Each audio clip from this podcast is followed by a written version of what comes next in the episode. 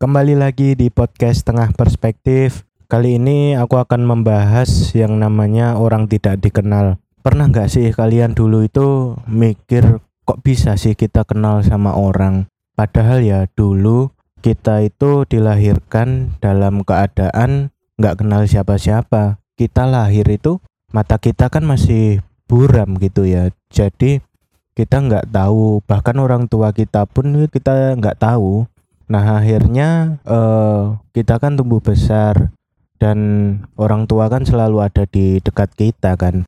Akhirnya kita jadi kenal oh ini ayah, oh ini ibu. Ya udah bisa mulai membedakan lah di situ. Terus pada akhirnya kita tumbuh besar dan orang-orang di sekeliling kita kan juga akhirnya tahu siapa kita kan dan kita masih bingung atau gimana ya karena eh, belum pernah ketemu sebelumnya. Terus dikenalin sama orang tua kita. Kalau ini om ini tante dan kayak gitu-gitu. Terus akhirnya kita tumbuh dewasa masuk ke TK mungkin ya.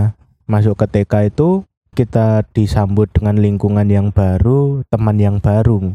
Nah di situ kan biasanya kita nggak saling kenal tuh awkward kan pasti. Kalian juga pasti pernah ngalamin kayak gitu pertama kali masuk sekolah itu kita ngerasa awkward karena teman-teman kita itu nggak ada yang kenal sama kita. Akhirnya kita disuruh duduk sama bu guru kan biasanya terus kita kenalan sama teman sebangku. Ya butuh waktu satu bulan untuk bisa kenal semuanya dan jadi akrab itu butuh waktu yang nggak sebentar lah. Berlanjut ke SD SD pun juga gitu kan kita kenalan lagi sama orang baru lagi.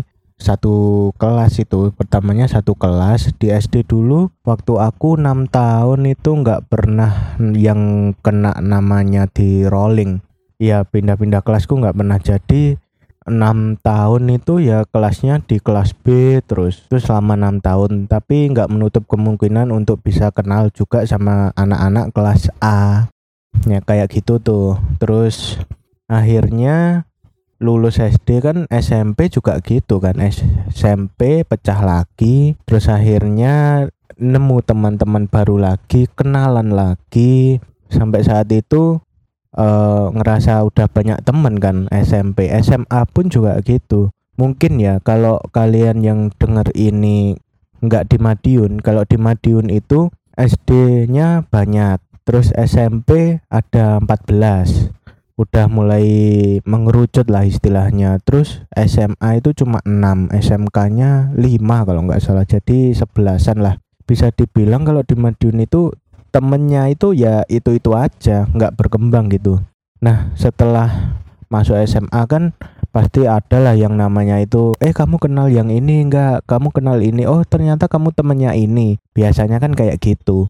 Terus akhirnya SMA kelas 3 kita lulus. Kalau kita mau merantau ke kota-kota besar kayak di Bandung, Jakarta, Surabaya, itu pasti pertemanan kalian akan jauh lebih luas lagi karena dari berbagai daerah biasanya. Nggak melulu Surabaya ya. Ya kalau Surabaya ya ada. Orang asli Bandung juga ada. Orang asli Jakarta di Jakarta juga ada. Tapi kan nggak menutup kemungkinan orang-orang dari kota lain kayak Boyolali atau mungkin Kudus atau mungkin Manado, Gorontalo kan banyak kayak gitu kan. Nah, kalau kalian merantau sendiri itu kan mungkin kalian ketemu sama teman-teman yang banyak itu kan.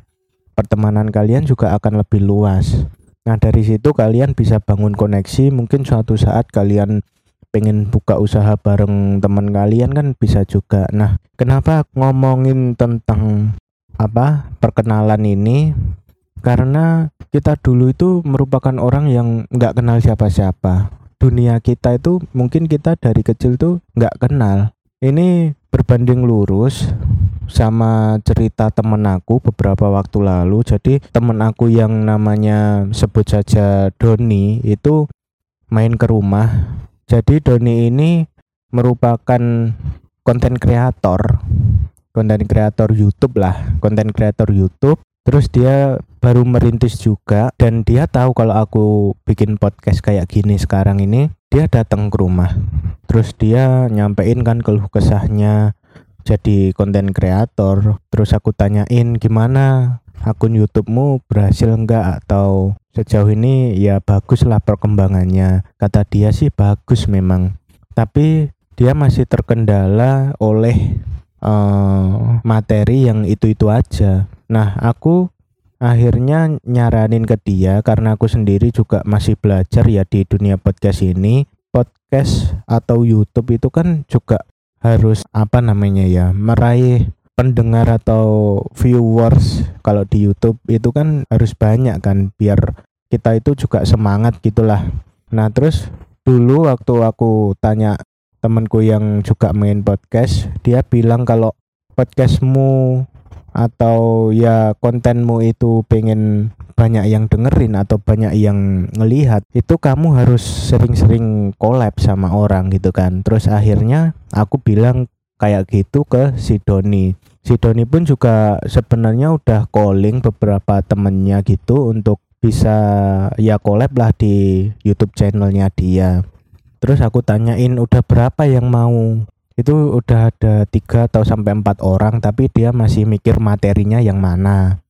Terus akhirnya uh, si Doni ini bercerita kalau ada satu orang itu dia udah tahu dari dulu kalau orang ini bisa deh diajak collab gitu. Karena uh, temennya si Doni ini sebut saja namanya siapa ya? Roro misalkan nah si Roro ini Doni udah tahu dari SMA mungkin Doni udah tahu si Roro ini tapi si Roro ini belum tahu si Doni ini siapa. Nah akhirnya kan si Doni kan main di Twitter si Roro pun juga gitu. Akhirnya Doni memberanikan nge-DM si Roro untuk ya bisa diajak collab lah gimana gitu.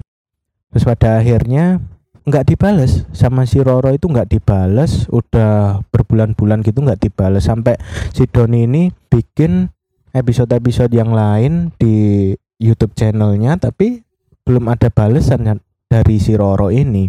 Terus si Doni ini mikir apa dia nggak mau ya sama aku? Terus aku tanyain kan emang kamu bilang kayak gimana awalnya? Si Doni ini jawab kalau ya dia perkenalin diri dulu dia siapa namanya Doni terus aku temennya ini loh kamu pasti kenal. Terus kata dia itu uh, mau bikin konten baru sama dia karena dia juga nyebutin alasannya nyebutin alasannya bikin sama si Roro ini karena Doni melihat si Roro ini bisa deh kayaknya kalau diajak bikin konten gitu karena sebelumnya si Roro ini juga pernah ada di konten temennya si Doni. Akhirnya kan dia tergerak kan tapi dia kok nggak mau ya gitu. Sampai si Doni ini penasaran kan. Terus aku yang ngedenger ceritanya ini juga penasaran. Ada apa sih kok sampai dia itu nggak mau? Nah tapi si Doni ini nggak kehabisan akal. Nggak kehabisan akal sampai akhirnya dia itu di Instagram uh, searching. Searching temen deketnya si Roro. Akhirnya ketemu si Wulan ini. Nah Doni kan udah follow akunnya si Wulan itu udah lama banget. Udah semenjak si Wulan sama si Roro ini masih sahabatan mungkin ya. Terus si Doni akhirnya ngeberaniin diri buat nge-DM si Wulan tanya kalau oh gini salahnya Doni itu dia nge-DM Wulan tapi nggak jelasin dulu Doni ini siapa ada urusan apa sama si Roro. Makanya si Wulan kan juga bingung kan mau kasih info tentang sifat-sifatnya si Roro. Makanya Wulan tanya dulu nah ini bagus. Kalau menurutku si Wulan ini bagus. Kenapa? Karena dia masih open sama orang-orang yang nggak dia kenal. Dia masih tanyain dulu kamu siapa? Ada urusan apa sama dia? Nah akhirnya si Doni ini ngejelasin kalau pengen bikin konten di YouTube bareng si Roro. Nah akhirnya si Wulan ini ngejelasin kalau si Roro itu orangnya baik, orangnya kalem, terus dia juga pintar lah.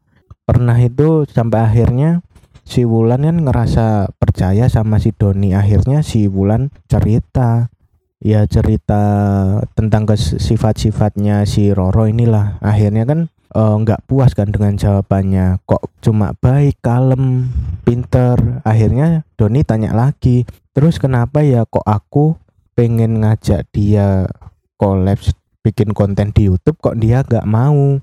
Nah si Wulan ini jawab kalau Roro itu emang kayak gitu. Jangankan kepada orang yang belum dikenal. Sahabatnya sendiri si Wulan ini itu juga kalau ada apa-apa sama si Roro itu nggak dibales bahkan di read aja. Nah kayak gitu. Tambah si Doni ini tambah penasaran kan kok bisa kayak gitu. Nah ternyata si Roro ini itu apa ya namanya mematok standar itu yang tinggi. Mematok standar yang tinggi pertemanan si Roro itu circle-nya cuma ada di satu kelas atau di jurusan itu aja. Nah tapi kalau ada orang yang nggak kenal sama dia itu harus orangnya hits atau kalau nggak gitu ganteng. Aku juga kaget kan dengerin si dengerin ceritanya si Doni ini karena masa sih sampai kayak gitu? Ternyata bener kalau si Roro ini ya sukanya sama anak-anak hits gitu. Terus aku lihat si Doni wow anjane elek raimu Don terus gitu kan. Terus sama Doni ya emang dia sadar diri juga kan. Dia nggak punya apa-apa. Maksudnya nggak seperti anak-anak hits kan naik mobil terus makanya yang fancy-fancy gitu. Terus jalan-jalan beli tas-tas branded atau segala macam kayak gitu kan. Terus akhirnya si Doni kayak ya ngedown gitulah. Ternyata si Roro nggak seperti apa yang Doni bayangkan selama ini. Karena si Don ini lihat si Roro itu dari luarnya aja. Luarnya dia itu cantik dia itu kalem baik dan pintar. Wah ini bisa menginfluence nih pikirnya Doni kayak gitu. Eh ternyata ketika dia tanya ke sahabatnya si Wulan ini ternyata Roro nggak seperti apa yang dibayangkan si Doni. Terus akhirnya si Wulan ini lanjut cerita kalau uh, memang kayak gitu sifatnya si Roro. Bahkan si Roro ini itu pernah dideketin sama temennya satu kelas. Temennya cowok itu juga sering bantuin dia. Kalau ada tugas-tugas gitu sering bantuin. Tapi ketika si cowok ini nyatain perasaannya ke Roro itu Roro langsung kabur. Langsung nggak mau balas chat lah dia kabur kayak lihat setan gitu katanya Oh, tapi dia cerita kalau uh, pernah mikir si Roro ini memang kayak gitu standarnya. Karena menurut Doni dia kan cantik. Pasti standarnya bukan yang kaleng-kaleng lah gitu. Terus aku bilang ke Doni gimana kelanjutannya si Doni ini akhirnya waktu ya beberapa minggu yang lalu itu ngechat si Roro lagi karena kan dia punya nomor WA-nya kan. Dia ngechat si Roro bilang kalau mereka ini satu satu kota ya masih satu kota. Terus si Doni ini bilang ke Roro, gimana kalau uh, aku ke rumahmu deh kita ngobrolin tentang konsepnya terus nanti bahas apa aja kayak gitu kan. Nah terus sama si Roro ini nggak dibales nggak dibales beberapa hari.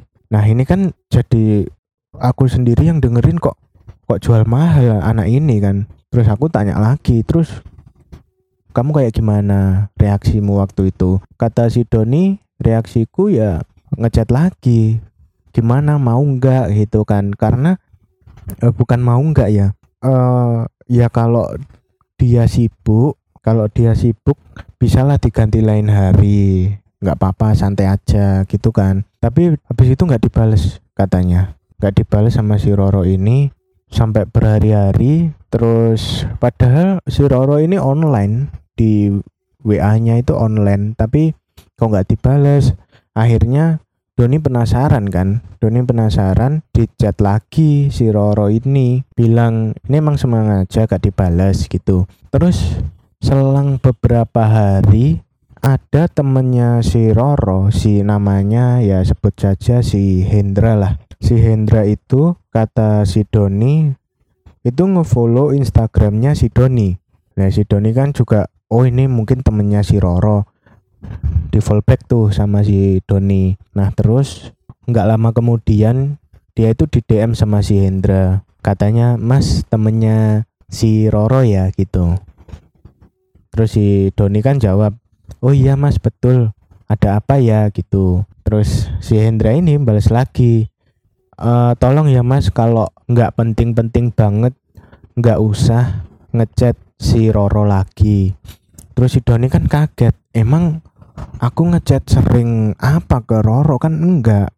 Dia cuma bilang kalau dia mau ngobrolin konsep konten di YouTube channelnya dia aja nggak ada maksud lain gitu kan. Dia juga nggak ngejar-ngejar kayak ayo dong mau dong. Terus di PPPPP gitu kan enggak kan.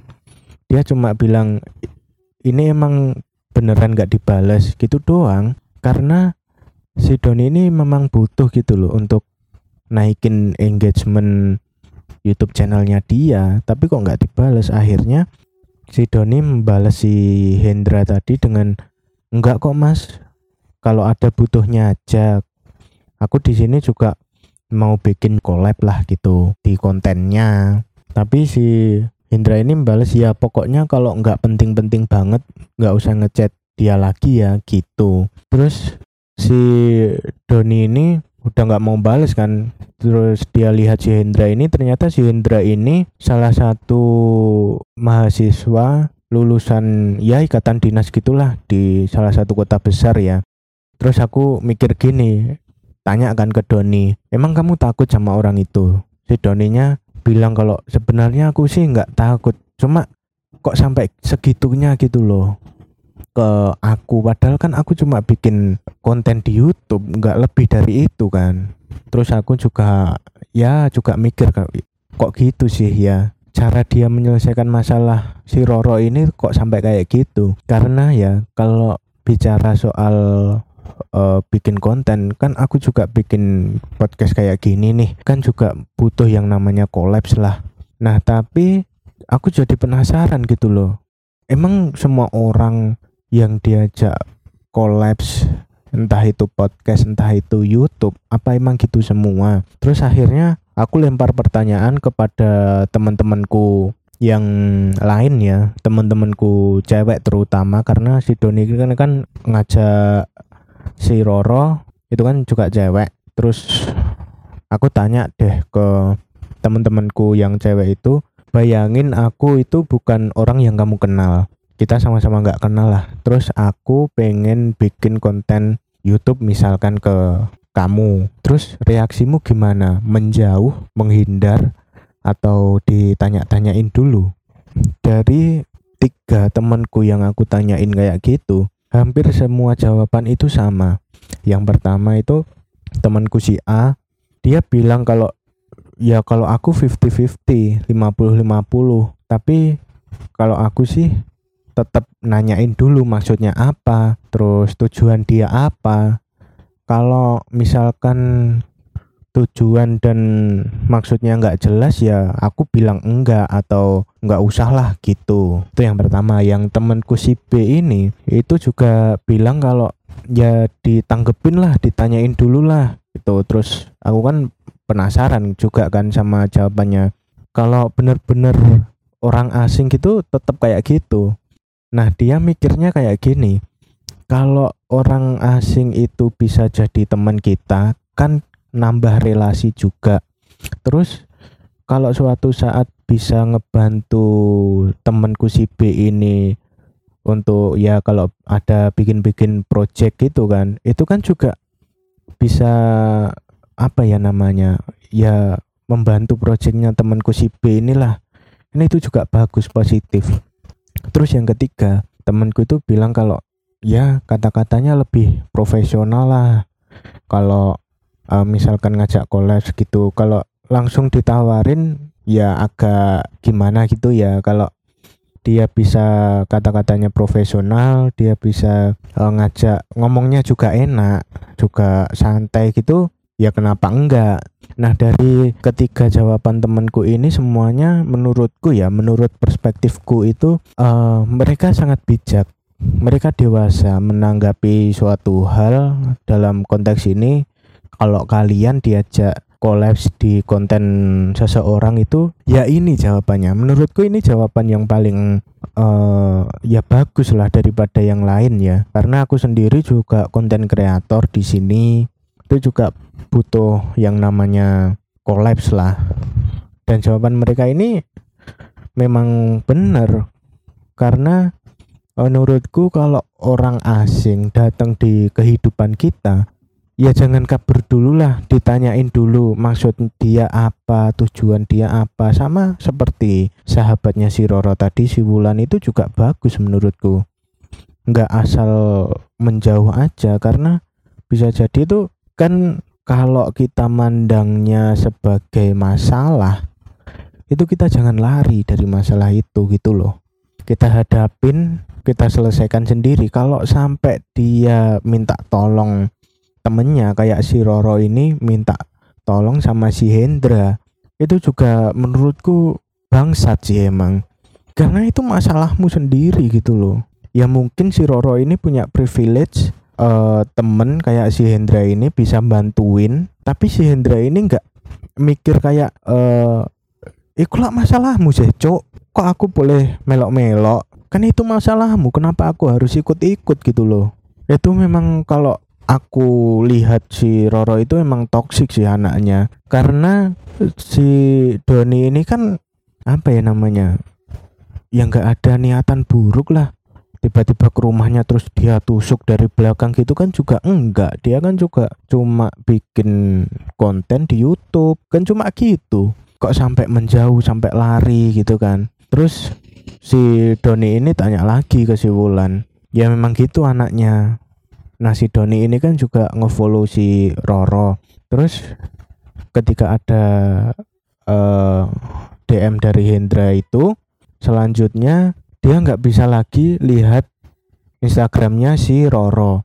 Sudah diblok. Terus aku mikir gini, kok goblok sih? Si Roro lo gatel iki si Roro iki. Karena ya sampai segitunya gitu loh. Kalau kalian ketemu teman kayak gitu apa ya gak mbok pisui jancuk gitu raimu gatel. Apa enggak kayak gitu kalian? Ya jadi menurutku kalau kalian ketemu orang baru ya ditanyain dulu lah. Ditanyain dulu maunya apa maksudnya apa tujuannya apa.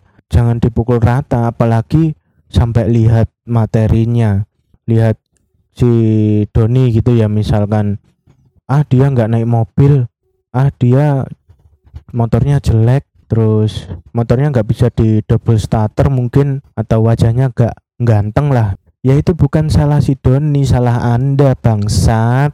Oke sekian dulu episode kali ini membahas orang tidak dikenal. Buat kalian yang dengerin ini sampai habis aku terima kasih sekali. Dan buat kalian yang kepengen uh, ketemu sama teman baru. Ya ajak ngobrol dulu lah. Tanyain maksudnya apa tujuannya apa mau dia bikin konten atau nggak bikin konten itu ya tanyain dulu lah istilahnya. Ya sampai jumpa di episode berikutnya dari podcast setengah perspektif